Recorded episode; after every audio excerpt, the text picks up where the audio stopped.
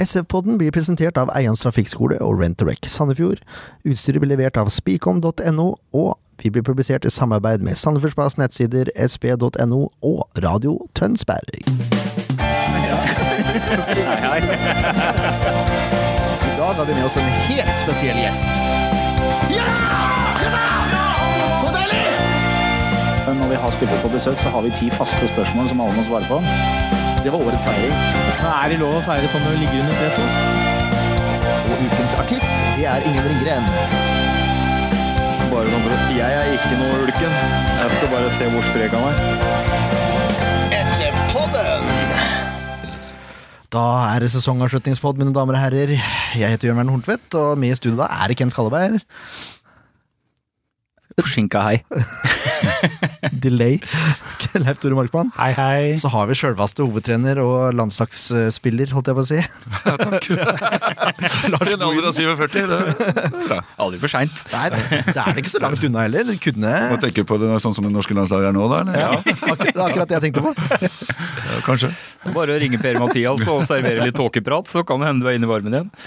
Er det, det, er det kanskje det som skal til nå. Tåkeprat. Men du holder deg i relativt god form, jeg sier. I hvert fall i forhold til oss som sitter her. Ja, og det kan jeg godt si. Skal kanskje ikke så mye til, men Nei, det, det er en annen sak. Nå da, du ble veldig paff her. ja, det, jeg, jeg, bare, jeg bare tenkte at nå hadde vi ikke lyst til å være her noe mer. I hvert fall ikke jeg.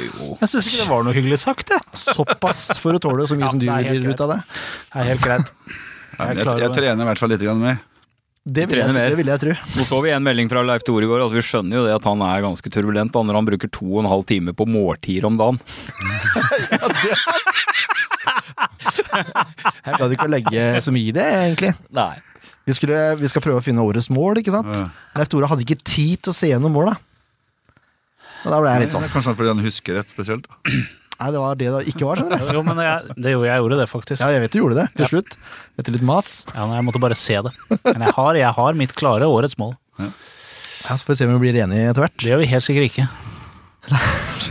Det er det som er så gøy. Det er utrolig god stemning til å være så mye uenig. Det er subjektivt, ikke sant? Det er det som er så bra. Ja, det er sant, det.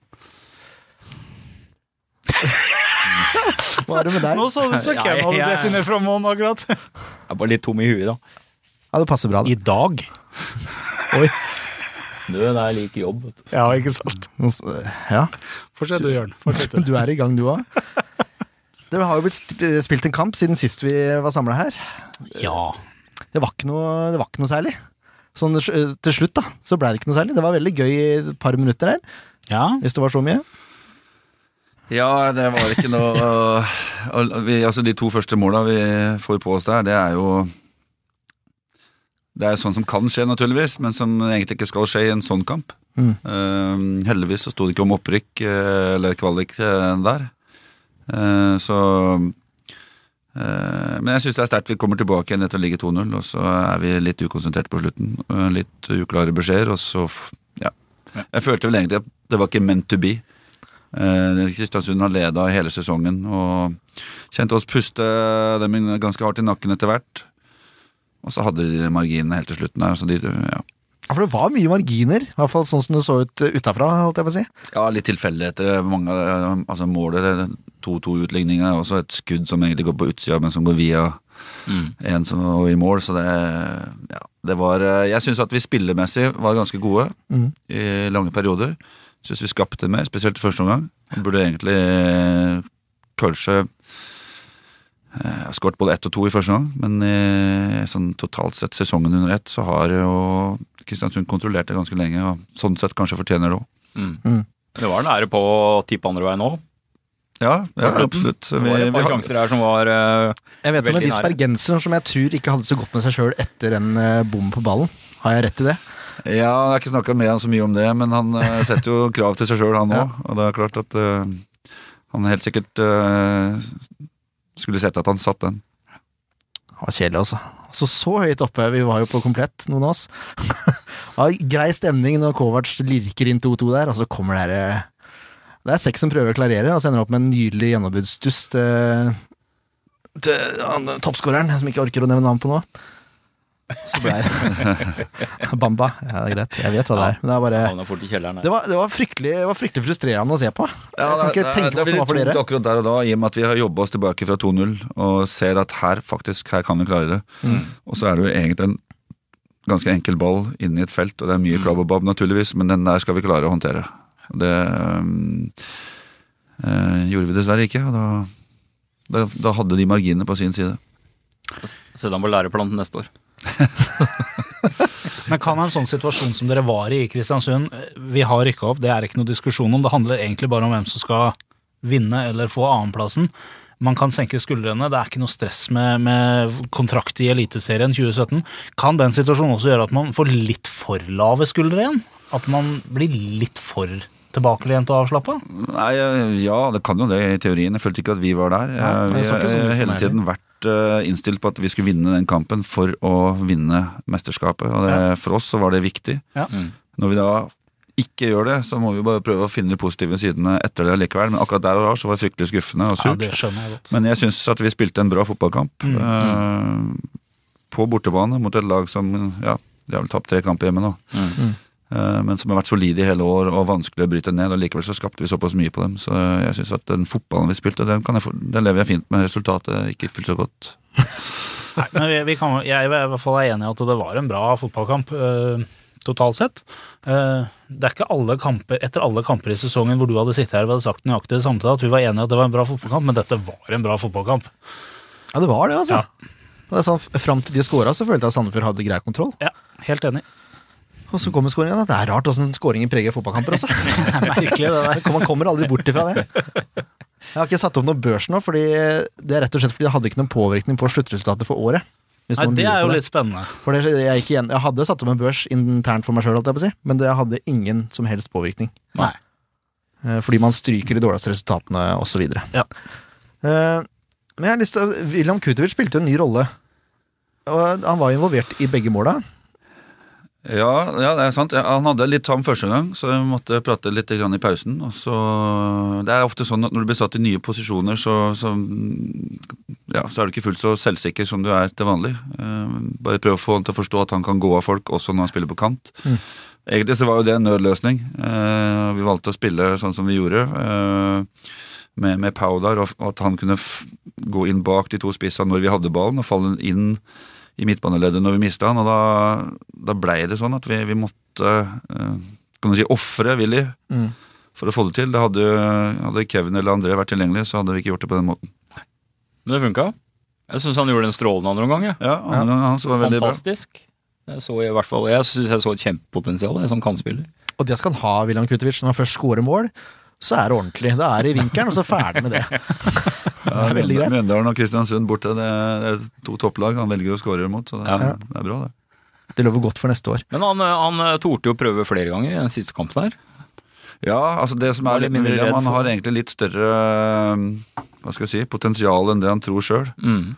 Eh, Så det gjelder bare å få han til å ta ut det maksimale av potensialet hans. Så, så blir dette enda mer spennende enn det allerede er. Nå er han jo kommet seg forhåpentligvis kanskje litt inn på i U20-varmen i Sverige, og Mm. det gir han selvtillit. Og. Så neste år håper jeg på kan kanskje bli hans store gjennombrudd, så vi kan selge den. Veldig opptatt av salg. Syns du kommenterte noe på Jonsson nå? Ja, men vi er jo, vi, er jo, Ja, vi vi vet jo hvor vi ligger hen i, i næringskjeden her. Ja. Så Det er viktig for oss at vi utvikler spillere sjøl og får solgt dem videre. Det er ingen tvil om. Skal, så isolert sett gjerne beholdt uh, Willy hele tida, ja, men klubben er avhengig av å få til noen salg for å rekruttere nye. og Derigjennom også få tak i de unge talentene som da ser at vi, vi utvikler dem videre, og så selger vi dem. Mm. Det er en ganske brutal bransje, egentlig. Ja, når jeg snakker sånn som jeg gjør nå, så høres det sånn ut. Men eh, forhåpentligvis så selger vi dem til en klubb hvor han kan ta enda eh, Mm. Ja, større ikke steg. sant? Ja. Ikke sant? Så vi selger den jo ikke til noe dårligere. Eh, litt tilbake til det du snakker om potensial. og Er det en av ja, si en av de mer, litt mer vanskelige jobbene som trener? Å få ut potensial hos enkelte spillere? Ja, det er jo det, spesielt hvis du har dårlig tid. Mm. Så nå er ikke Sandefjord den klubben man har dårligst tid i, Nei. sånn isolert sett. Eh, Og der har man tid til å jobbe med litt lengre perspektiver. Men eh, ta en annen klubb som Viking, Vålinga og Brann og sånne ting, så så har du som trener litt dårligere tid, og da, da har du ikke alltid tid til å vente på at spillere skal slå til. Nei. Og da, dessverre, da, så ender de jo da på benken istedenfor på banen, og så ka- må de kanskje til en annen klubb for å blomstre. Mm, mm. Vi skal snakke litt om eh, Vi har noen kåringer her i SV-poden. Du skal lage diplomer, har du sagt? ja, sa du jeg skal lage diplomer. Ja. Men jeg tenkte vi kunne gå gjennom sesongen først, og så gå inn på Vi skulle dele ut de på SF vår, så jeg ikke så? Jeg håper det. Ja, det skal vi Hvis vi får lov, da. Hvis Ja, ikke gjør vi det bare sånn eh, Det får vi få lov til. det er nøkternt. Vi er veldig gode på å være nøkterne, skjønner du, Ja, her i, er i poden. Men hvis vi går gjennom sesongen, det starta jo helt fantastisk på hjemmebane mot Strømmen.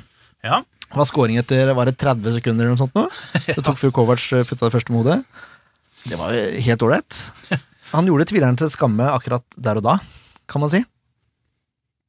Her sitter du og nikker. Det er Ja, ja. God, god podkast. Her sitter du og nikker. ja det er dårlig radio å nikke, men ja. Ja, men det var en veldig fin start for han, da. Og da, ja, det var mye, knytta mye tvil til han. Um, så akkurat der og da så, så gjorde han jo noen til skamme. Så kan han jo, så kan han jo si at det, det har vært andre sjanser i, i noen kamper hvor han kanskje burde putta, men, uh, men sånn er det jo gjennom en hel sesong. Mm. Og så er det tap mot Levanger, det gidder vi ikke å prate så mye om. Eh, eh, og så er det 2-2 hjemme mot Sandnes Ulf. Og så, jeg var innom og så litt på noen av kampene før poden i år. Var det borte mot Ullkisa? Var det sånn at Ullkisa var så mye bedre enn Sandefjord enn det så ut til? Husker du det? Eh, ja, altså, ja, fordi vi var ekstremt dårlige. Vi var, ikke med, vi var ikke med fra start av i det hele tatt. Og, og da var de gode. Jeg satt også så Ullkisa mot Kristiansund. De leda 2-0 etter første gang. De var fantastisk gode, så de har et høyt toppnivå. Og Mm. det, det slår sjelden inn. Og vi tillot dem å være gode i den kampen der, og da, det er vel den eneste gangen i år hvor det eh, har det vært litt høy temperatur i garderoben. Ja. For da, da følte jeg at da, da En ting er at man kan spille dårlig og ikke lykkes med ting, men når man ikke løper og ikke fighter og ikke tar duellene, da, da sliter vi med, med å akseptere det. Mm. Og det kan vi ikke ha. Altså. Så da ble andre gang, det var 14 minutter i andre gang som snudde den kampen for oss. Mm. Så var resten av andre gang dårlig òg. Sandefjord var på en måte heldige som ikke lå under eh, mer enn 1-0 til pause. Det skal sies. Men eh, det er jo fortsatt sterkt å snu det, i en såpass dårlig prestasjon av første omgang. Ja, det, og det viste bare at vi, vi hadde rett. Det var ikke bra nok det vi kom ut med i første gang. Så det, Mm. Vi trengte egentlig bare de 14 minuttene, og så falt vi litt bakpå igjen og blei litt sånn passive og defensive og skulle liksom forsvare resultatet inn. Og så blei det egentlig litt grann kleinere på slutten enn det vi hadde tenkt. Men det holdt til seier, og det, det begynte vel en ganske bra rekke etter det, tror jeg. Det er helt korrekt. Men er det, er det en plan å legge seg tilbake, eller er det noe som automatisk skjer? Det er noe som kanskje litt for ofte skjer når du er favoritter, og det er liksom forventa at du skal klare det. Det hadde vi en dårlig prestasjon i første gang å hvile på, eller liksom å se tilbake på. Og så gikk vi da opp til to igjen, og hvorfor det blir sånn noen ganger, det er ganske vanskelig å forklare. Altså, det, er ikke- det, det er en sånn kollektivt fall som vi gjorde der. Det, det skjer én eller to ganger i en sesong. Mm. Uh, så vi har vel begrensa det til tre. Det holdt, holdt akkurat det. Men det, det, er- det er- begynner å tyde på et mesterlag, da, for å si det sånn, når man klarer å snu såpass svake prestasjoner til ok-prestasjoner. Eh, mot Fredrikstad også, så var det Det var en bedre kamp mot Ullkisa, men det kom vel under Nei, Jo, gjorde det? ja, Fredrikstad tok ledelsen. Ja. Stemmer det. Stemmer det. En regntornkamp uh, der, og det, det er da Geir Ludvig header inn helt på slutten her, og igjen så snur vi, så snur vi og det er litt sånn Det er sterkt av oss. Vi har skåret altså, ni- tror jeg 19 mål det siste kvarteret i år, og Mm. mange av de har vært veldig avgjørende. Det viser at vi holder hele veien inn, men det viser også at vi kommer for ofte under sjøl. Mm. Og det har vært et, eh, et problem for oss i år, at vi, at vi har kommet under før vi på en måte har våkna. Mm. Men så kommer da en rekke på ti strake, da, inkludert seier mot Lillestrøm i cupen. Mm. Som vi mener kanskje var årets sterkeste kollektive prestasjon. Mm. Eh, og så er det Kongsvinger, da, som har vært Hva er det jeg skal si for noe? God, eh, David mot Goliat, holdt jeg på å si, i dette året. Men ja, vi, altså, De er ikke fornøyd med disse Kongsvinger-kampene våre. Det, av en eller annen grunn så har det blitt sånn. Jeg husker jeg spilte i Vålerenga i 88 og 89 og klarte ikke å slå Kongsvinger der oppe. Nei. Og det er Wiener som Jeg lurer på om det har noe med meg å gjøre. At det er du. en jeg har med Kongsvinger. For jeg, jeg tror aldri jeg har slått dem. Så hvis det er noe cupkamp mot Kongsvinger neste år, kan ikke du bare holde deg hjemme? Jo, jo. Det er Ta det på stranda isteden. Kanskje det er en fordel. Nei, men jeg, jeg vet ikke hva det er. Nå ser det jo ut som det faktisk kan bli Kongsvinger i serien neste år òg, da. Så det, Ja, det hadde ikke gjort noe, det. Fått en liten revansj der. Eh, Det er et lite stykke igjen av den veien. Også. ja, men de har jo de Har er jo prestert greit foreløpig. Ja da. Og så er det 0-0 hjemme mot Kristiansund. Det er for så vidt et greit resultat. Uh, Reppeskar Hansen er en av de beste kampene i år, uh, så vidt jeg kan huske. Har jo Bamba i lomma Ja. hele kampen. Og så er det det jeg mener, og jeg tror vi var enige om det også, at det var en av de sterkeste kollektive prestasjonene på bortebane. Det var 2-0 mot Bryne. Ja. Det virka som Sandefjord hadde full kontroll hele kampen. Mm. Ja, men enorm første omgang. Første omgang var veldig god. Det, vi, vi, refererer, vi har referert til den første omgangen noen ganger også, også i forkant av Kristiansund-kampen nå sist, fordi vi spilte litt samme type formasjon mot Kristiansund som vi gjorde mot Bryne. Så vi hadde en god referanse på å spille på den måten. Uh, Jeg syns det ble bra mot Kristiansund nå, men mm. Bryne-kampen var veldig god. Så ble andre omgangen ble en forsvarskamp. Det var veldig sterk vind. Så vi, blåste, vi ble nesten blåst inn i mål der. Så, men det var, en, det var en bra kamp, en kontrollert kamp. Vi har hatt god, godt tak på Bryne, vi der nede. Og så er det hjemmeseier mot uh, Jerv, viktig. Borteseier mot K5, viktig. Og så er det Levanger igjen, da. To tap mot Levanger i år. Åssen ser du på det? Nei, Jeg er egentlig veldig misfornøyd med det, spesielt den første der oppe. For jeg mener vi spillemessig i lange perioder er klart bedre. men Vi klarer ikke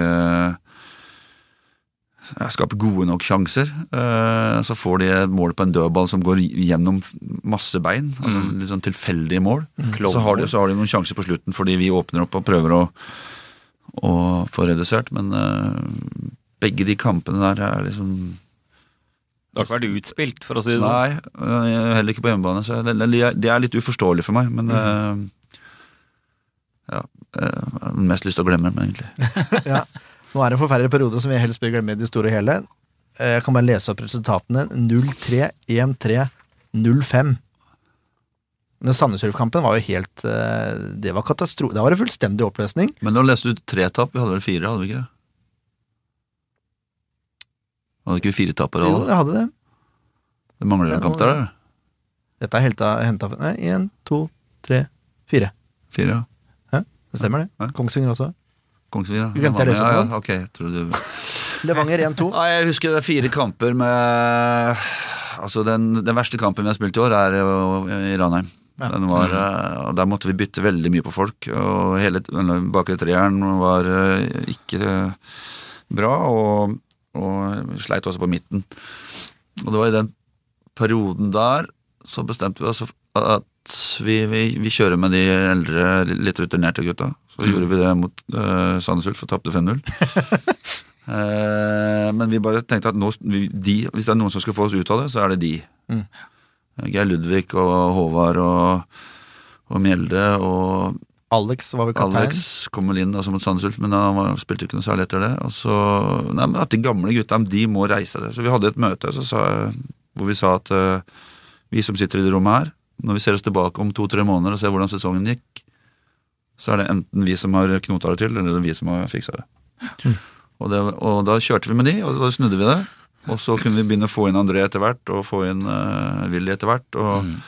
og når selvtilliten hadde kommet litt mer på plass, så, så holdt det jo.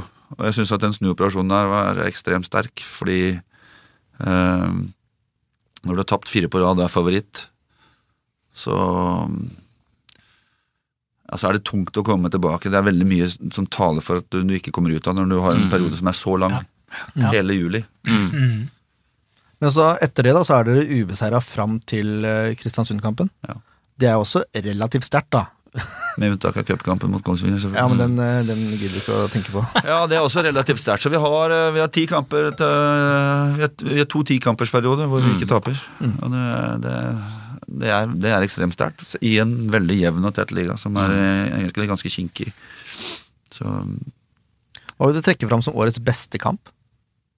Nei, jeg, jeg er ikke uenig med dere at det er Lillestrøm-kampen som kollektivt. kollektiv. Hvor jeg er mest fornøyd med både strukturelle, at vi vinner dueller, at vi klarer å spille ut Lillestrøm. mm. Føler jeg i store perioder, ut, selv om de har et par sjanser helt i starten av kampen her. Mm. Så føler jeg at eh, vi hadde stålkontroll. Og det, å sitte med den følelsen Det er vel kanskje eneste gang jeg har gjort ordentlig i år. Litt grann på Bryne, men eh, men eh, det er så tett og jevnt her. At det, og klart vi har noen resultater der som er eh, veldig tette. Mye enmålseiere. Mm. Eh, det samme gjelder jo Kristiansund. Har ekstremt mange enmålseiere. Jeg tror ikke de har vunnet med mer enn ett mål, de. Det vet Det er i jeg hvert fall veldig Det få syns jeg har hørt kommentatoren kommentatoren nevnte her eh, ganske seint på sesongen, at de har ikke vunnet mer enn mer enn ett mål. Så det, og det er, det er sånn denne divisjonen her er. Du må ta sjansene dine, det er marginer, og du må være konsistent. Du må levere fra uke til uke. Om det da blir 2-1, 1-0, 3-2 Vi skulle selvfølgelig ønske at vi hadde kunne nå målet vårt mot eller med å slippe inn mindre enn ett mål per kamp. Mm. Men det, vi, det bomma vi på. Og det, eh, det får vi leve med nå. Ja, det er fem, fem mål unna. Ja. Det er ikke, det er ikke så halvgærent, da. Dere har fortsatt best målforskjell blant eh, topp fire, i hvert fall. Ja, så er vel det Unnskyld. Sandnes Ulf- Sandnes Ulf har, eh, har en bra målforskjell. Så det er egentlig, med den målforskjellen de har, så burde de jo rykke opp. Mm. Ja, egentlig. En horribel eh, kvalikkamp, da. Av Ulf. Ja, for så vidt. Skal vi begynne å prate om kvalikkampen? Nei, For det, den det var ene bare kampen var jo bare en det. farse. Ja, den andre, ja. Jeg ble jo kald av å sitte og se på den hjemme, så jeg tør ikke tenke på åssen de hadde det der borte. Men uh, uansett, da. Hjemme mot Bryne så ble opprykket sikra. Mm. Da var det grei stemning. Uh... Ja, det var grei stemning. Det var, var veldig bra. Vi hadde det, det er spesielt å rykke opp på hjemmebane. Mm. For, forrige gang så satt vi og så på en annen kamp og rykka opp mens vi så på den. ja. Det var, det var god stemning der òg, men det blir liksom ikke helt det samme. Nei. Når du spiller kampen og du kontrollerer kampen og du eh, får det resultatet du vil ha, så er det ekstremt godt. Og mm, så kunne man jo ønske at eh, NFF hadde vært litt framsynte og kanskje kjørt en flomlyskamp eh, klokka seks og fått litt ordentlig god stemning istedenfor at du er ferdig klokka tre og, Mm. Og folk må stå og vente på oss. og Det, er liksom, det blir ikke noe trøkk i byen, på en måte. Det burde vært en lørdagskamp og en, en flomlyskamp. Mm. Men eh, ja, så vi ble egentlig litt snytt for en enda bedre fest. Ifølge, ifølge noen så var det god fest eh, uansett. Litt for god. Det har Ludde fått rensa dressen adressen sin. Jeg vet ikke om han tenkte å beholde den engang. jeg. Det- Jeg regner med at vi- får det nye, nye dresser neste år. Han burde ramle. Jeg tror jeg er en av de første jeg har sett som eh, Jeg har sett, det kan godt hende det er mange som har gjort det, men en av de første jeg har sett live, i hvert fall, som har eh, diva bortover gresset i dress og hvit skjorte. Ja, deilig. Det var Det bilde. fantastisk bra å se på. Følelser. Det skal være sånn. Det skal være glede når man rykker Ja, opp. det var, he var helt utrolig bra. Ja, det var eh, sesongen under på 20 minutter. Det er ikke verst også å være, om jeg sier si det sånn. Det føles mye lenger. Ikke de 20 minuttene, men sesong. Men det er litt sånn antiklimaks når det hele er over, er det ikke det? Jo, lite grann så er det det. Liksom, du har levd i, den der, eh, i det presset og det strekket hele tida. Altså, merker du eh, Ikke antiklimaks, men en veldig sånn utladning. Jeg merker jeg er ganske sliten. Ja. Det var jeg etter 20 Jeg har egentlig vært etter hver sesong i Sandefjord, men eh, det har vært noe hver, hvert år. Men eh, ja, litt mer utlada, sliten. Og så, og så er det jo dessverre så er det sånn at nå må vi begynne å jobbe enda mer. For mm. nå, nå skal man jo bygge lag videre, og, og da kan man ikke ligge på latsida. Så egentlig så burde vi hatt eh, 14 dager ferie med å bare koble helt av, men da kan det være at det er noen spillere eller Andre? andre som forsvinner. Ja. det, det har liksom ikke Fotballen venter ikke på noen. Nei. Så det er en god stund til du får ferie. Jeg skal til Miami på onsdag, men det er bortsett fra det, så Bortsett fra det. Nei, det er ikke noe ferie å prate om det. Nei, jeg må ha en liten tur bort, og, det, og så kommer vi hjem, og så er det cupfinaleseminar, og da er det jo jobb og sånne ting, og så blir det jo Det blir jo aldri ordentlig ferie. Nei. Det blir dessverre sikkert ikke Miami heller, fordi det er telefoner, og det er mailer, og det er agenter, og du må Ja. prøve å pusle et spill her og få alt til å stemme. Så dere er i gang, med andre ord. Ja, vi er i gang. ja. Fint. Vi kan, siden det ikke var noen spillebørs, så kan vi jo bare gå rett på årets spiller Ja. på spillebørsen. ja. Ikke uventa, med hele to poengs margin ned til nestemann. Det er såpass, ja. Ja. Så er det, det er Christer Eppeskår Hansen også. Ja, det var vel ikke så sjokkerende. Han har vært god i år. Han har vært veldig god. Han var jo god i fjor òg, men eh, Jeg syns det, er- er bemerkelsesverdig at han er jo ung til å være stopper. Å ha det overblikket og den pondusen han har. Han har egentlig hele spekteret. Så han eh, Jeg har bestandig sagt det. Jeg tror Reppes kan nå veldig langt. Kaptein på landslaget, var ikke det han nevnte første gang han var her? Jo, han nevnte det sjøl. Han nevnte det sjøl, ja. det, er, det er det Ronny Holmedal har sagt til han i to år nå. Så, Og det er derfor Ronny har blitt eh, utviklingssjef på fulltid. så, Nei, men det er ikke Nei, noe men det er et bra valg, det. Altså, han har eh, spilt eh, mer i år enn han har gjort noen gang siden jeg har vært her. Og han har vært eh, frisk stort sett hele veien. Og på slutten nå så begynte det å knipe litt igjen. Men så klart, på høsten så må, har vi måttet pleie han litt. Mm. Han har vel en kropp som må pleies. Sikkert resten av karrieren, men så lenge han kan spille 2500 minutter i løpet av en sesong, så er det veldig godt innafor. Mm. Han endte opp eh, med en totalscore på 145 på over 22 kamper. Det gir et snitt på 6,59. Andreplass, Victor Dembabindia. Ikke uventa det heller. Nei, 143 poeng. 6,5 blank. Ja. Det er imponerende å klare å få blank score, Ja. syns jeg. og så er det Jonsson på tredje. 141. Ja. 6,4. Det er altså tre, tre av de bakerste da, som har de tre høyeste scora. Mm. Jeg vet ikke om det sier mer om oss som setter eh, skalaen, eller om det er eh, Sandefjord som har vært gode defensivt. Det sier helt sikkert en, en masse om oss også, men det som det i hvert fall jeg tenker at det gjenspeiler litt, det er at vi har her tre helt bakerst på banen som har vært jevnt veldig gode gjennom sesongen. Mm. Eh, vi har jo andre som har fått høyere score individuelt i en enkeltkamp, men, men dette handler om noen som har levert et veldig bra høyt nivå gjennom hele sesongen. Og vi sier ikke at dette er fasit, eh, men det er fasit for oss. Det er fasit for oss. fasit for oss. Eh, Fjerdeplass Siden ikke det er noen andre som lager børs enn oss, så Nei, eh, vet jo, det er NTB, faktisk. Ja, NTB lager Ja, børs. men jeg har ikke oversikt over den. Blir, blir bedre til neste år, så kan dere få så mye børs dere vil. Ja. Dagbladet, VG, Aftenposten. Ja, lettere, lettere å sammenligne seg, da. Ja. Sant. Skal ikke la oss påvirke, altså. Fjerdeplass er Håvard Storbekk. ja. 136, snitt på 6,1. Eh, Femteplass Kjell Rune Selin, eh, snitt på 6,04. Også på en hederlig sjetteplass måtte jeg ha med Erik Melde, for han var ett poeng bak Selin. ja. 32 totalt. Seks blank på gjennomsnitt. Mm. Og seks er jo godkjent, Ja. så da, da er det greit, da. Ja. Ja, Før sesongen, jeg måtte jo høre på det, Ja. så kan vi si hva vi tippa. Eh, Vi hadde Øystein Styrvold på besøk, Ja. gamle journalisten i Samferdselsbladet. Nå journalist i Fjordlein. Tippa Mårer altså, sammen med dere to. Ja, jeg hadde Etter det jeg så Mårer på slutten i eh, Tippeligaen sist, så hadde vi vel eh, Jeg syns ikke det er noe rart at vi hadde store ambisjoner om eh, Mårer, når jeg husker tilbake til Odd-kampen. Nei, det er, ikke, det er ikke så veldig rart. Hvis jeg så i hvert fall det jeg så for meg, at eh, jeg hadde forventa meg en Mårer som skulle virkelig blomstre i år. Men jeg tror kanskje han er typen som passer bedre i Tippeligaen enn han gjør i Ja, han, det tror nok jeg òg. Samtidig så hadde han Han hadde egentlig ganske ok vinter, og Mm, så fikk han jo problemer med, med leggen. Så han Mm. sleit jo hele, Klarte ikke å spille kamper. Så etter, tror det var Levanger borte, så måtte han opereres. Og så gikk det litt tid, og så er han en sånn spiller som han er ikke sånn kjempelettrent. Han er ikke så glad i å trene hardt heller. Eh, og når du legger de to sammen, så, så tar det gjerne litt tid. For du, Det er bra det er toppidrett du, ja, men det er så folk er forskjellige. Det er, liksom sånn, det- men eh, men eh, han er nok skuffa over sin sesong, og vi er for så vidt litt skuffa, vi òg. At ikke vi har eh, hva skal jeg si, da? Fått han på et høyere nivå. Han har, altså, han har ikke hatt sjansen til å spille så mye. Nei. Nei. Så jeg vet at han er veldig revansjesugen og har, har lyst til å lykkes og få det til. For vi ser jo i treninga hver dag at han gjør en ting som ingen andre gjør. Ja, for det har vi hørt av spilleren vi har hatt på besøk her, at han er jo enorm på treninga. Ja, og så er han veldig godt likt i garderoben. Og det, er klart, det, er- for han så handler det om én ting, det er å trene hardt. Over tid, være frisk. Eh, og så er det klart at en av grunnene, det har jeg snakka med han om, det er at eh, jeg stoler ikke 100 på, eh, på han defensivt. Nei. Og da Det er derfor han ligger som en tier. i- Ja, ikke sant. Og den rolla har vi egentlig ikke. Den har vi skapt litt for han. Mm.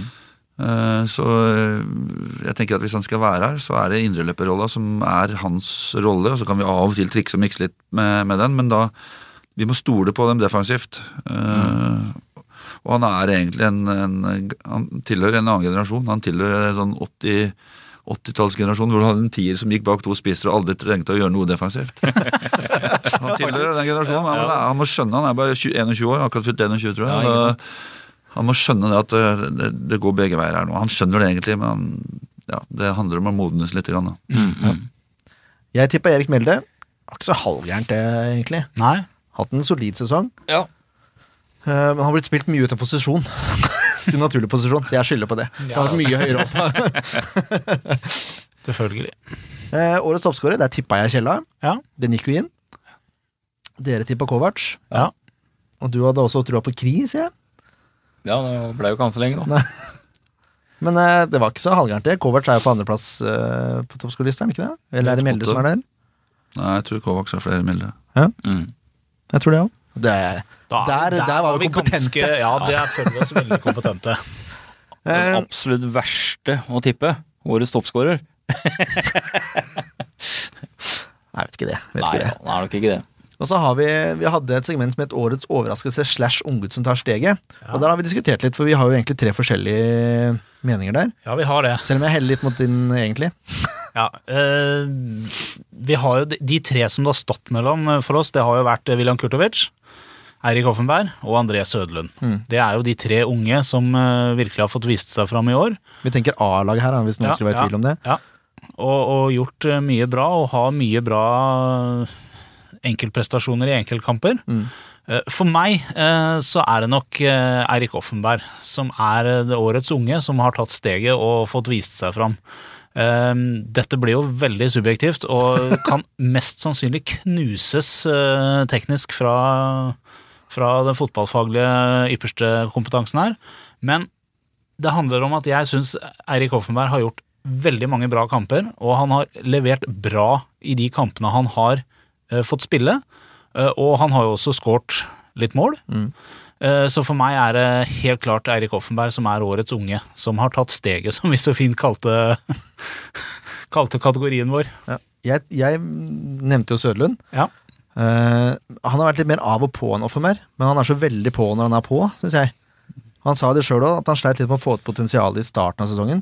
Etter treningskampene. Han har liksom en formtopp i treningskampene. Uh, nei, jeg vet ikke. Jeg bare syns Han har skåra viktige mål.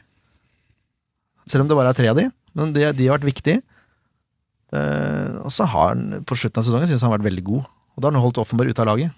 Ja, da for all del, han har vært veldig god i slutten av sesongen. Eh, ikke noe å si på det, men, men jeg gjentar at for meg så handler det om stabilitet gjennom hele sesongen, og der har Offenberg vært bedre. Ja, Men da har vi Kutovic da, som du nevnte. Ja, jeg vil jo dra fram alle tre, egentlig. Jeg, jeg liker ikke å sitte, sette sånne unge gutter i bås og stemple som beste, for jeg syns alle tre har gjort en strålende jobb. Eh, Det er Lars har sikkert noe av æren for å få til dit de er. Ja. Men sett over ett, så, så er det vel en grunn til at eh, William har spilt så mange kamper som han har gjort. Og jeg vil også, eh, etter min mening, altså har William den vanskeligste posisjonen der ute. Han er ung og har en veldig sentral eh, rolle i laget. Han har veldig mye ansvar på veldig unge skuldre. Så jeg vil vel kanskje veie det veldig tungt. Eh, ja, at han Ja. har det, da. Jeg, jeg syns det er en stor prestasjon. å- Å løse det på den måten han gjør. For en gangs skyld så er jeg enig i alle argumentene som kommer på bordet her, og det er litt vanskelig for meg å forholde meg til. Ja, men men jeg, kjenner, jeg kjenner litt akkurat det samme, for at vi, vi har jo egentlig ingenting å utsette på noen av disse tre. Det er jo tre fantastiske fotballspillere som har eh, prestert høyt, eh, på høyt nivå gjennom hele sesongen. Eh, Men siden vi nå en gang skulle velge, da, så blei det litt sånn. Skulle vi kanskje bare gitt en hver? Ja, kanskje de skal få en hver. Ja. De kan godt få det. Jeg syns de har Jeg- jeg synes fortjent det, er, egentlig. Ja, jeg syns det, er jeg det er veldig vanskelig å velge, Ja. fordi jeg det har vært såpass jevne prestasjoner. Ja. Men jeg, det er klart, William har spilt mest, da. Og han har prestert godt. Altså, Det skal ikke stå på det. Men han har også, Nei, hatt, jeg- eh, han har også hatt opp- og nedturer. Det har jo alle, og det, det må du jo ha, når du, i hvert fall når du er så ung. Ja. Men jeg syns det er spennende, og jeg, det ekstremt spennende er jo at alle er jo lokale gutter. Det er jo et veldig kvalitetsstempel for eh, utvikling av spillere i byen. Da. Eh, Vi vil jo virkelig si at eh, hva de jobber med i bakre rekke fra SVGS og oppover, eh, er en veldig god jobb, som nå bærer frukter. Så min konklusjon er at jeg var i en stemme til hver. Jeg syns de har gjort en kjempejobb alle sammen. Helgardering. Helgardering. Helgardering, ja. ja. Det er, ikke, det er ikke ille å gi en helgardering her. Det er kanskje litt feit, men jeg, Ja, det er feigt. jeg, jeg sliter med å jeg Ja, det gjør jeg òg. Ja. Jeg ser kvaliteter i alle. Eh, Det er vanskelig å være objektiv eh, her. Ja, gode ambassadører for klubben, alle tre. Blide, hyggelige gutter og gode forbilder for eh, ungdommen i byen. Og Mm. tar en helgardering. Jeg skjærer igjennom, jeg. Bestemmer det. Greit. Er du enig, Lars? Ja, ja, ja, jeg er enig. Ellers så vil jeg trekke fram overraskelse. Vi hadde ikke sett så mye av Ayes prat eh, når vi lagde den episoden her. Nei. Men gud bedre meg for en fotballspiller også. Han er vi jo blitt fryktelig glad i etter hvert, da. Ja, og jeg trodde jo han, eh, at han skulle bidra mest offensivt for, eh, for Sandefjord. Men eh, den gjenvinningsevnen den mannen har, det er jo, det er helt vanvittig. Det var en drøm å spille på midten sammen med han. Ja, altså han har eh, Han har igjen, altså han har vært skada i tre perioder denne sesongen her. Så han har, som Pau har han ikke fått egentlig den der litt lengre oppbygginga som som han trenger. Så han har vært han er ganske frustrert eh, periodevis, han også. Men eh, på slutten her nå så har han kommet eh, ordentlig i gang. Og det var viktig for oss, for han kom inn og snudde et par kamper for oss. Og, og som du sier, er en, han er en ballvinner, mer enn det du tror eh, om Ja. han i utgangspunktet. Til å være litt sånn, sånn elegant eh, fotballspiller med et eh, veldig rent og pent tilslag med venstrebeinet. og Så har han vist seg at han er en større ballvinner enn eh, enn det vi hadde trodd òg. Ufattelig sterkt å komme foran spiller, har jeg lagt merke til. Det, er, eh, og det har, vært, det har vært verdifullt for oss, fordi Geir Ludvig har ikke vært tilgjengelig bestandig. Og da har han kommet inn, og så har han egentlig vist hva han kan i den rolla der. Mm. Eh, og så er det nå da selvfølgelig å holde seg skadefri, få en god vinter og, så, og, og bli litt sterkere. Han trenger å bli litt sterkere i kroppen. Mm. Eh, men da kan han bli eh, kanskje en overraskelse til, til neste år òg. Det som, det som liksom har vært utenom gjenvinning av ball, da, så er balltempoet til Sandefjord er så mye høyere når han er på banen og får styre spillet, syns jeg. For han, han bruker ikke så mange touch. Altså, Jeg bruker litt mer enn det vi er glad i innimellom også, men, eh, men det, har vi jobba veldig mye med i høst. Da. Det er å få balltempo opp i midtbanesona, spesielt i midtbanesona, sånn at vi kommer oss raskere opp eh, i andre enden. Og der har han vært eh, bra for oss. Han er flink til å vende spillet, eh, og flink til å vite når han skal spille på én og to touch. Og så koker det litt fra noen ganger når det blir trangt, og så, da får du en sånn pasning som vi fikk mot Kristiansund. Ja. Mm. Og så, men så, generelt sett så eh, Bare ønsker meg at begge de to spanjolene, hvis da vi blir enige med Pau, da, så uh, at, uh, at de får en, en god vinter. Mm, mm. For da, da tror jeg vi kan få dem opp der vi ønsker å ha dem. Litt viktig at de får kontinuitet gjennom hele vinteren. Mm. Ja. Blir godt å komme opp treningsleir til Spania. Føle seg litt hjemme. La Manga.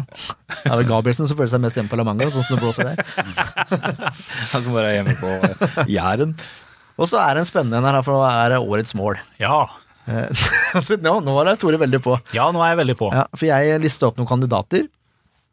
Jeg personlig har favori en favoritt, og det er første jeg skal nevne. Det er Kjella borte mot Ullkisa. Hvor han tar den på brøstet og på halv volley vold, ja, Det er volley i krøsset fra 16 meter. Det er en ok prestasjon. Ja, jeg skal si meg enig, for han er også hardt pressa der. Ja, det er stykker nesten bicicletas. Det er ikke helt uh, Nei, der, men han har to stykker på seg òg, Ja. så det er, det, er, det er en sterk prestasjon. Og så var jeg på Raufoss-kampen uh, i Raufoss. Mm. Og når han venner han spiller der og smeller i krysset der, og det syns jeg er en fantastisk fin scoring. Og ikke minst den der eh, hjemme mot Koffa. Men den er jeg litt mer usikker på om han mente eller ikke. Lobben? Ja. Ja. Han var veldig fin. Eh, og så vil jeg ta med Kurtovic. Eh, han har jo to skåringer som er nærmest identiske. Det er nesten fra samme posisjon, til og med. I krøsset. Og når han først scorer, som jeg nevnte i stad, så scorer han ordentlig. og så var jeg innom den skåringa du eh, Ja, jeg, jeg vet til 16. mai-kampen hjemme, jeg. Eh, Åsane.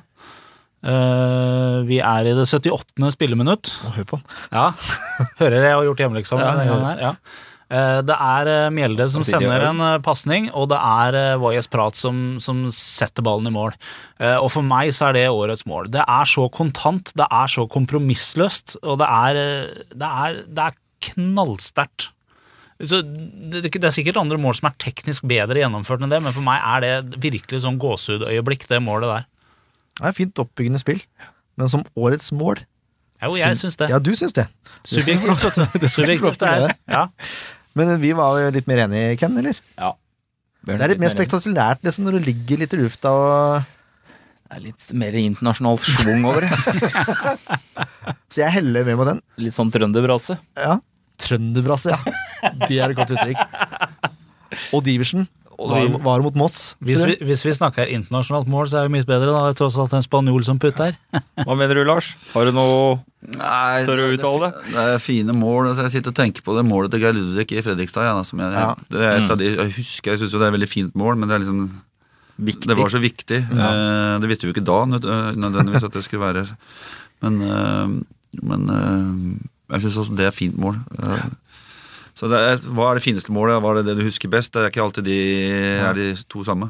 Nei. Nei, Det er jo litt det jeg mener også, kanskje. At det er ikke nødvendigvis det fineste, men det er det som sitter mest hos meg. altså Det er den skåringa til Wais Prat mot eh, Åsane hjemme. Ja, blir vi enige her, da? Er vi to enige? Ja, vi er enige. Jeg Altså, er som vanlig nedstemt der.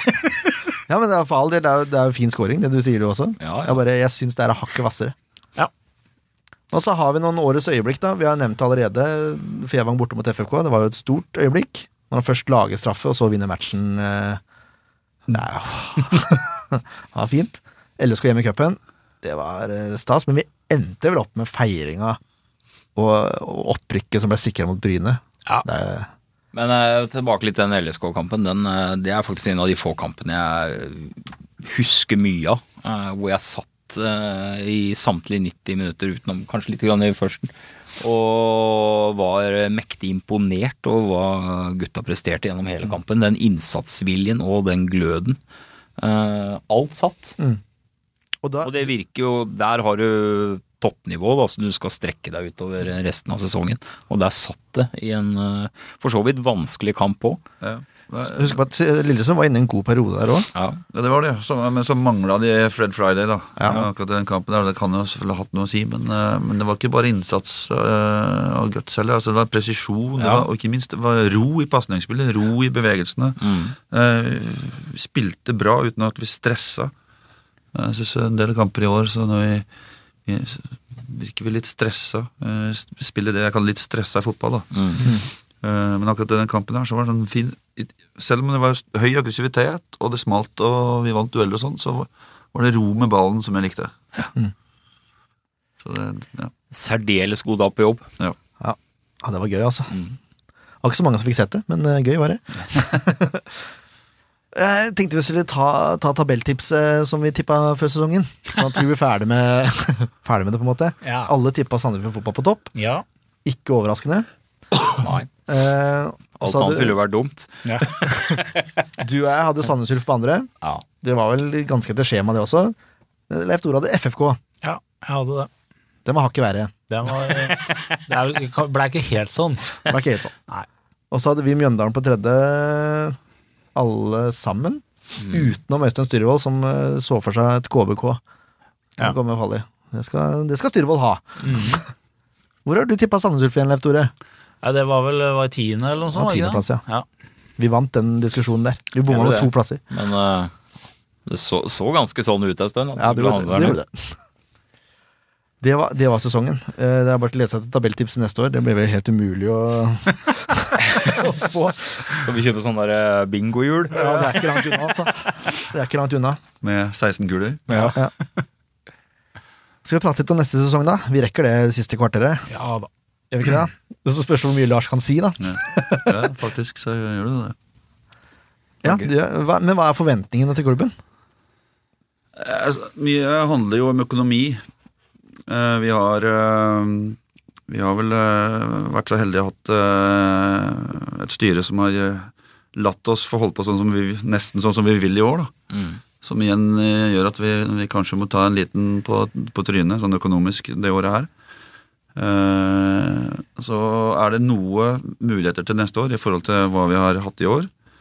Eh, men det, det koster også mer å være i, i toppdivisjon enn det gjør i Obos-ligaen. Eh, så, så noe mer økonomi blir det i det. Som igjen jeg håper vi, hvis vi er gode på spillemarkedet, at vi kan klare å, å, å bygge et lag som kan stå imot i, i Tippeligaen. Og så eh, blir jo det det naturlige målet sånn sett, eh, altså sånn isolert sett, uten at vi skal liksom drive messe om det og kommunisere det hele tida. Men det er viktig for oss å overleve et år. Mm. For å spille på oss mer, eh, mer kunnskap om divisjonen. eh, og igjen da kunne bygge på det. Så, så, men nå ser vi også at Det heter Eliteserien nå snart. At det er, det er Det er ujevnt. Eh, og det er veldig ujevne i prestasjonene. Jeg har sett kamper i år hvor jeg tenker at eh, vi er, eh, vi er bedre i, i Obos-ligaen. Men så har jeg sett kamper hvor jeg ser at vi hadde slitt med å henge med. Så det er liksom Det er Det er en tøff liga, det òg, men jeg tror at vi har lært fra 2015. Mm. Og for oss så handler det om å få sette sammen et lag og et team som, som kan stå imot. Og det, det er den store utfordringa vår. Og det, og det handler om økonomi, hvilke hyller vi kan plukke spillere på. Mm. Hvem vi får med oss videre, hvem vi ikke får med oss videre. Skjønner? Så det kommer, det kommer løpende nyheter utover mot Ja, jeg håper Altså, jeg liker jo å ha Jeg liker å ha laget ferdig så tidlig som mulig. Eh, og I forhold til den sesongen her, så var vi ferdig ganske tidlig. eh, Kanskje nesten rekordtidlig. Mm. Mens i år så føler jeg at vi kanskje også må ha litt mer is i magen og se hvilke muligheter som dukker opp etter hvert, uten Mm. å liksom være så veldig stressa med å få signa opp alle med en gang. Mm. Fordi det, det dukker gjerne opp muligheter litt seinere som du da må si nei til, fordi man hadde det så travelt med å Mm, mm. og signert opp folk, så det lurer på om jeg har litt mer is i magen. Det kan slå andre veien òg, det, men, eh, men eh, nå er tippeligaen akkurat ferdig. Kvalifiseringsspillet er ikke ferdig. Det sier seg sjøl at det har vært noen interessante spillere både i, i Sandnes Ulf og i Mjøndalen og i KBK, og KBK er ikke kvalik, da, men, men Kongsvinger òg. Så det er, det er spillere der som potensielt er interessante, men det, det, det er jo ingen spillere som tar noen beslutning nå før de ser hvor de er hen. Ja, Det er vel noen spillere Det er vel et par spennende spillere i Glimt, for eksempel, som rykker ned. Ja, Ja, det er det også. og Stabæk kan jo fort rykke ned. Der er det jo Ja, det er mange muligheter. Ja, Men det er ikke noen tvil om at det, det blir en eh, 3-5-2-formasjon til neste år òg. Ja, det gjør det. Det er det vi bygger etter. Og det, det kommer egentlig til å forsterke både gjennom hele klubben. Mm. Eh, Vi driver og lager en, en, sportsplan nå som skal være en sånn femårig bibel for oss. Mm. Eh, Når den er ferdig nå rett før jul, så er det, er det har vi det sånn at alle lag i klubben skal spille 3-5-2. Eller med støttesystem 3-4-3, da, som vi har eksperimentert litt med. Mm. Men, eh, men ja, det er trebekslinje. Uh, blir. Lars sin bibel. Nei, vi har jo blitt altså, Et eller annet sted som Når du skal lage en bibel, så må du begynne et sted. så mm, jævla god fantasi. vi, vi er vel enige om at det, hvis vi skal lage en kultur i klubben og en identitet, både sånn kulturell identitet, hvem, hva er vi, hva står vi for, og, og sånne ting, men også en spillidentitet, Mm. Så må du begynne et sted. Og Nils Arne, uten sammenligning for øvrig, begynte et sted, han òg. Det var 4-3-3, og hele, hele Trøndelag ble jo et 4-3-3-fylke. Mm. På samme måte som Telemark har blitt et 4-3-3-fylke med under Odd øh, og Fagermo har vært der. og det, vi, vi, vi har en ambisjon om at øh, Vestfold skal bli 3-5-2-fylke. Sånn at det, det gjør det lettere for oss å, å, å rekruttere, blant annet. Så vi må ut i klubbene, og vi må selge budskapet. Og, og kanskje på sikt klare å gjøre det til, et, øh, til en populær måte å spille fotball på.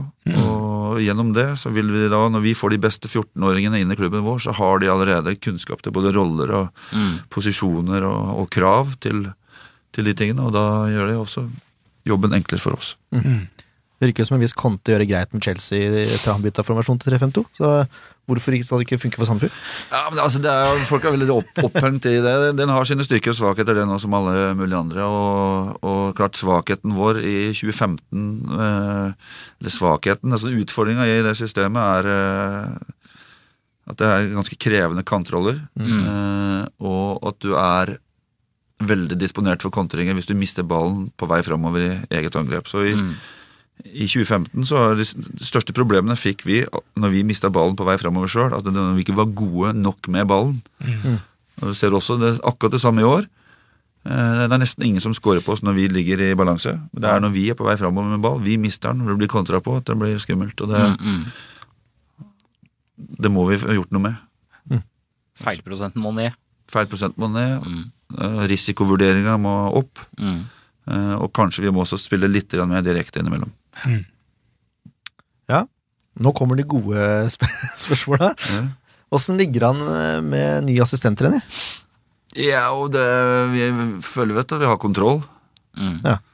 Uh, det må jeg si. Og så er det litt med timing og litt sånne ting som gjør at vi uh, Hva skal jeg si ikke har kommet med noe ennå.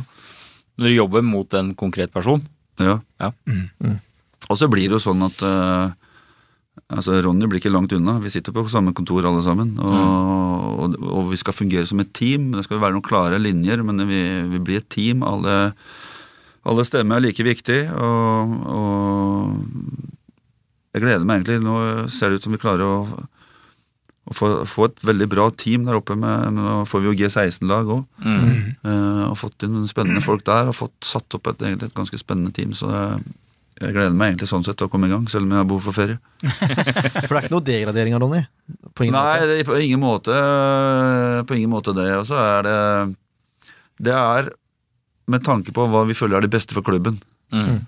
Og kanskje også det, Vi skal ha det beste for Ronny akkurat nå også. Eh, så, men, men vi kommer til å jobbe veldig tett, alle sammen. Og det, det vi skal prestere, det skal vi prestere sammen. Helt fra altså Vi sitter jo G16-lagstrener til A-lagstrener, sitter på samme kontor.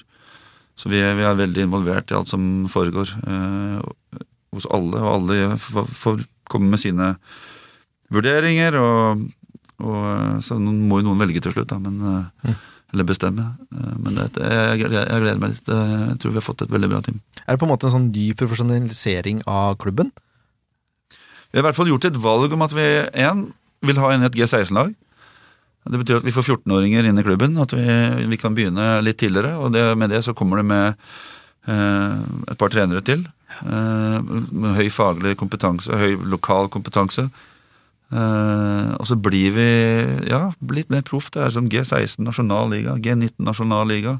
Dessverre, og det er et veldig minus for oss, og det er at eh, annetlaget vårt er i fjerdedivisjon. Det er ikke noe sånn spesielt å lokke med det.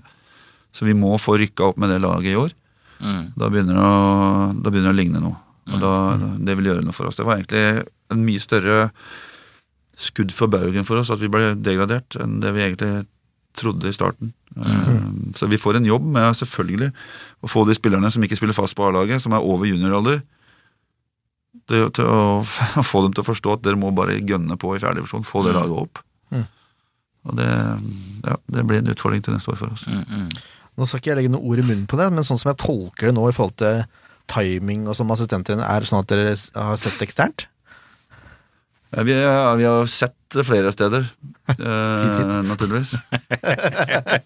men eh, men eh, nei, det, det tar ikke så lang tid før vi kan si noe mer om det. Nei. Men akkurat nå er akkurat litt for tidlig. Ah, Kjedelig, altså. det er å treffe på den. Jeg tror, jeg tror kanskje Hvis dette er det siste poden i år, så tror jeg kanskje du må lage en til etter at du får den navnet. Ok, Og det er såpass. ja, Teaser. Da, får vi gjøre det. Utfordring mottatt, Ja. hvis du garanterer at personen stiller. Ja, det gjør han. Flott. Ja, Da det er er vi fint. klare. Spenstig. Nå har jo Grorud signert en ny kontrakt. Eh, han er frisk igjen, regner jeg med da? Han er frisk. eh, det er han, men han, går, han har noen medisiner han går på da, som, eh, som han må ta. Da. Det handler bare om at liksom det blodplateverdien hans må Mm. opp. Mm. Mm. men eh, alle, når de sier på Rikshospitalet at her er bare å trene, så regner vi at det er bare å trene. Ja. Det Og, og Lars er ordentlig sugen, og, og ja, vi har savna han i år, rett og slett. Ja. Det var veldig fint å få han tilbake i treningsgruppa før Brynekampen Også også. Så han har, en, han har en bra innvirkning på folk. Ja, det kan jeg tenke meg. Sånn, lille, vi har jo hatt den på besøk her òg. Han er jo en utrolig fin type. Sånn, han er liksom typen du ser på med en gang, som er en sånn uh, på en måte plaster. Da, som er lett å tiltrekke seg folk, og Ja. humørspreder i gruppa. Mm, absolutt. Og så er det noen spillere da som eh, fortsatt venter jeg vet, Har dere begynt å gi ut kontraktstilbud nå, eller er det Jo, jeg har for så, vi har for så vidt det, da, men det er vanskelig å komme inn på det, for da, da, ekskluderer det noe nå. Mm. Hvis du skjønner? At, Jeg skjønner. Å, ja, det har ikke han fått, nei. Eh, så, så vi er i en situasjon nå hvor vi, som jeg sa i stad, vi er litt grann, eh, Vi sitter ikke på gjerdet, men vi, vi, vi på en måte forbeholder oss retten til å vente litt og se hva som hvilke muligheter vi, vi kan få. Mm. Eh, og da vet vi også det er jo, Vi har jo hatt elleve spillere som går, går ut på kontrakt, og alle de spillerne kunne jo per definisjon ha skrevet under for en ny klubb for fem måneder siden. Mm, mm. Ja, det er sant. Og vi har ikke fått uh, noe tilbakemelding om at noen har gjort det, men uh, vet jo f.eks. at Bindia er der hvor han tenker at enten så skriver jeg en kontrakt med uh, Sandefjord nå, og da blir det Sandefjord-klubben min, eller så kanskje prøver å finne seg et, uh, en klubb på, i Frankrike på nivå to eller én, eller i Belgia. Og det, det, må vi bare akseptere. Han har vært en fantastisk eh, spiller for Sandefjord i sju år. Men vi ønsker å beholde han her, da. Mm. jeg tror han er også litt trigga av det å spille tippeliga, så eh, Ja, så har han jo etablert seg med familie her og Ja, det har han jo, ikke, Ja. og, ikke sant? men jeg tror ikke det er noe sånn eh, Det er eneste som vi nå jeg kan si ikke Eller er to, eller tre, du har de i parentes der. De Garate tør vi ikke ta sjansen på. Rett og slett fordi at uh, vi må vite hva vi får. Og når du kommer med korsbåndskade og egentlig ikke kommet deg godt nok i gang de månedene han har vært der, så tør vi ikke ta sjansen på det. Men, men et spennende, spennende fyr. Eh, Berge har eh, sagt at han eh, blir i Sarpsborg. Mm. Og Gundersen har også sagt at han, han trenger å stå. Han trenger å få spilletid. Mm. Og han har også vært et, eller Men andre gutta har vært fantastiske for oss, og Berge var helt avgjørende for oss. Ja. Selv om det, det, den sånn prestasjonsmessig ikke var helt på topp hele tida, så, så var det ekstremt viktig for oss å få han inn i den perioden hvor Lars ble borte. Mm. Og han har vært eh, bidragsyter i gruppa.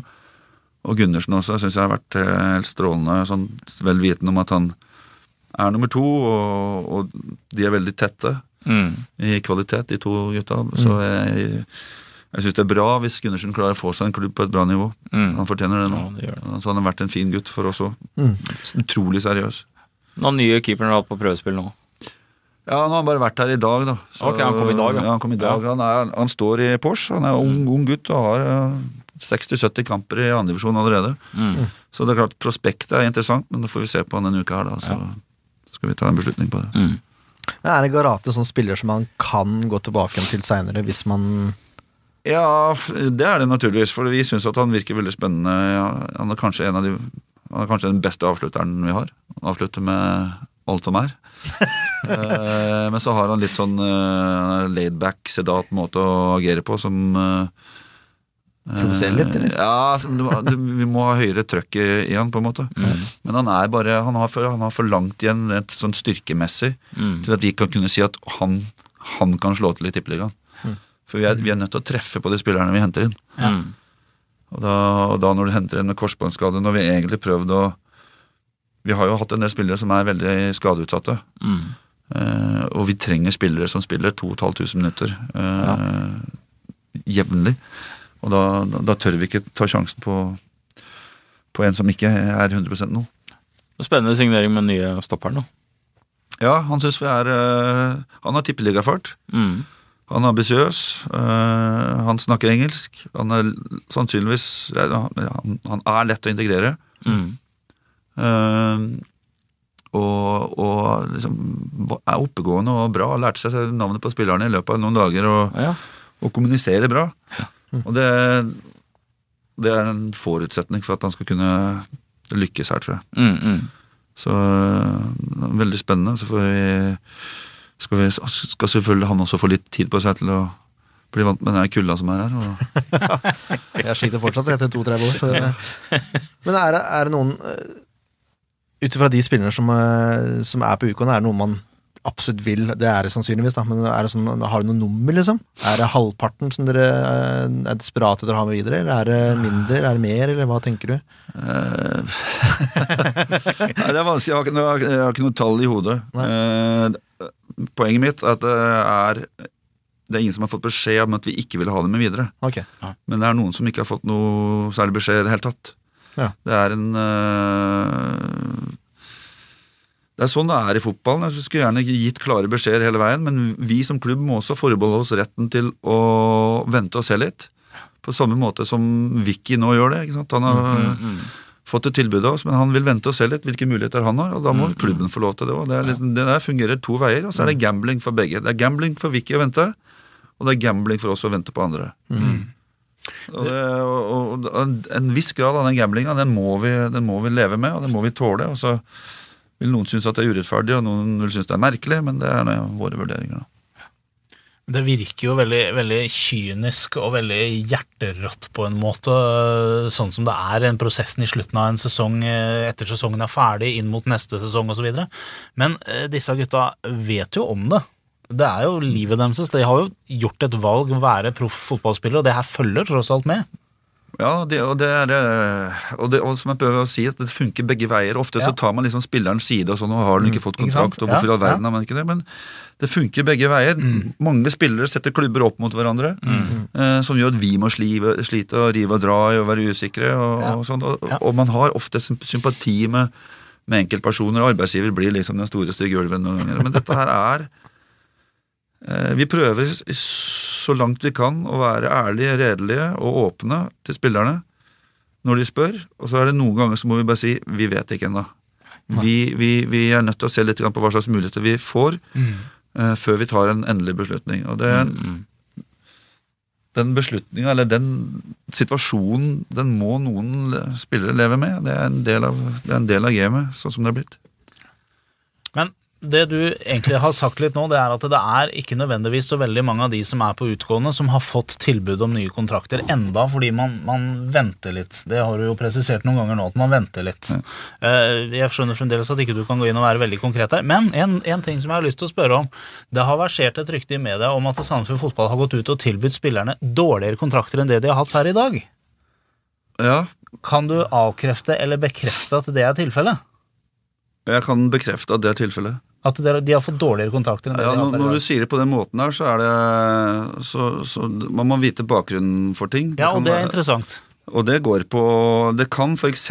gå på alder. Altså Noen ganger så tror man jo at for, jo, jo eldre man blir, jo mer skal man tjene. Mm. Men for en fotballklubb, så jo eldre, jo eldre spilleren din blir, jo mer skadeutsatt blir han. Mm. Og, og jo mindre kan du se for deg at du, at du får bruke han. Mm. Så jeg mener at det er en sunn politikk etter et visst punkt at en spiller har lavere grunnlønn, men får høyere bonuser. Det betyr at spiller du, så tjener du bra, men sjansen nå fra du, Det er jo ikke noe gitt alder her, da, det handler jo litt med historikk og sånne ting. Selvfølgelig. Så, så, så er det mer fornuftig klubbøkonomisk å tilby spillere eh, en lavere grunnlønn, men høyere bonus. Mm. Sånn at hvis han spiller x antall kamper, så tjener han mer enn det han ville gjort med en høyere grunnlønn, f.eks. Ja, ja. Og, det, og den, en sånn type filosofi, det, må, det mener jeg klubbene må få, lov, må få lov til å ha. Jeg mener det er sunt og fornuftig, og så høres det helt fjernt ut egentlig at man skal rykke, rykke opp og lykkes med, med måla. Man har nådd måla sine, og så skal man ned i lønn, men ikke sant? klubben skal overleve. Det, er- det er det viktigste. Mm, mm. Men, men, Det er ikke bare UFN til å jobbe på akkorden. Det kan jeg bekrefte. jo, men, jo, men poenget her er at eh, altså, eh, nå er, Jeg er ikke noen idrettsøkonom hvis det finnes en, eh, en utdanning som heter det, det vet jeg ikke engang. Men poenget er, når du forteller det at det handler om den situasjonen du beskriver, en, en spiller som har kanskje blitt litt eldre og vært skadeutsatt osv., får en lavere grunnlønn, men kanskje en høyere bonus hvis man får spille mye i løpet av en sesong, så er jo ikke det en dårligere kontrakt. Nei, I utgangspunktet? i utgangspunktet ikke, for du regner med at du skal spille. Ja, Men så er det, det knytta litt mer us usikkerhet til den Selvfølgelig, selvfølgelig. Men poenget her er at det, da kan vi vel egentlig bekrefte at det ryktet som har versert på Twitter, det stemmer ikke. Men det stemmer til en viss grad, for grunnlønna går ned. Ja, men kontrakten er nødvendigvis ikke dårligere. Nei. Så det, Det- stemmer faktisk ikke. Det er riktig. Og det, det er Jeg tenker at um, man skal være, man, vi skal være forsiktige med Og jeg syns vi har vært eh, De tre årene jeg har vært her, i hvert fall, så har vi, så har vi vært nøkterne med pengebruken. Eh, vi gikk i pluss i fjor når vi rykka ned. Det er ikke så mange som gjør. Og vi har gambla litt eh, i år, for vi, vi opprettholdt en del lønninger som kanskje var høyere enn det vi egentlig strengt tatt burde hatt. Mm. Så det, i Obos-ligaen burde vi nok gått litt ned, men, men styret sa greit. Vi, vi har troa på at vi kan klare det igjen, og da, da blir ikke det minuset så stort som det kunne blitt. Og så, um, og så får vi da være smarte nå inngangen til den sesongen her. Og det, jeg mener det har vært spillernes marked i mange år. Mm, mm. Fra 2004 til 2010-11-12 så var det spillernes marked, og lønningene skjøt i været, og det gikk så og det gikk til helvete med klubbene, men det gikk jævlig bra med unnskyld ordbruken, eh, økonomien til spillerne. Ja. Og nå er det mer klubbenes marked. Mm. Vi kan sitte og vente litt på gjerdet. Eh, spillerne tjener ikke så mye lenger. De er Kan ikke mer- bare få kjerringa til å lage en blogg, da? Jo, jo, jo.